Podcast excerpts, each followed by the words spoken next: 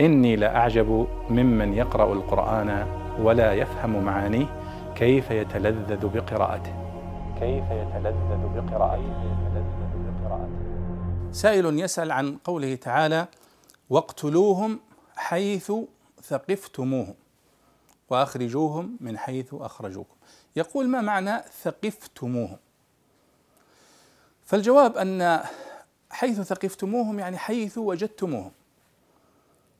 زمنا ومكانا حيث وجدتموهم في الحل والحرم فاقتلوهم. حيث ثقفتموهم زمنا في أي وقت من السنة؟ في أي وقت من الزمن. فاذا واقتلوهم حيث ثقفتموهم أي حيث وجدتموهم. والثقف هو الحذر الحذق الحذر. والتثقيف في اللغة هو التقويم.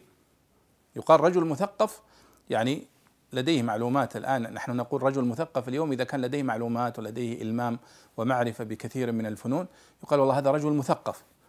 مأخوذة من التثقيف وهو التقويم تقويم الرمح. وهذا معنى ليس بعيد عن هذا المعنى اللي هو أن الثقف اللقف يقال هذا ثقف لقف إذا كان حذر. فمعنى حيث ثقفتموهم اذا حيث وجدتموهم في الحل والحرم. اقتلوهم حيث ثقفتموهم.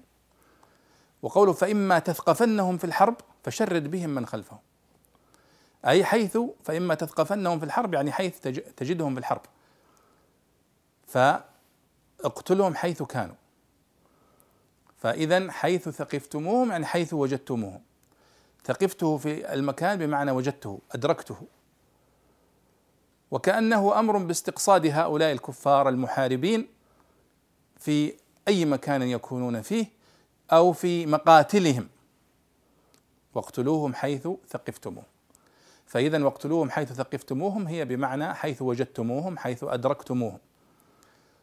والله أعلم.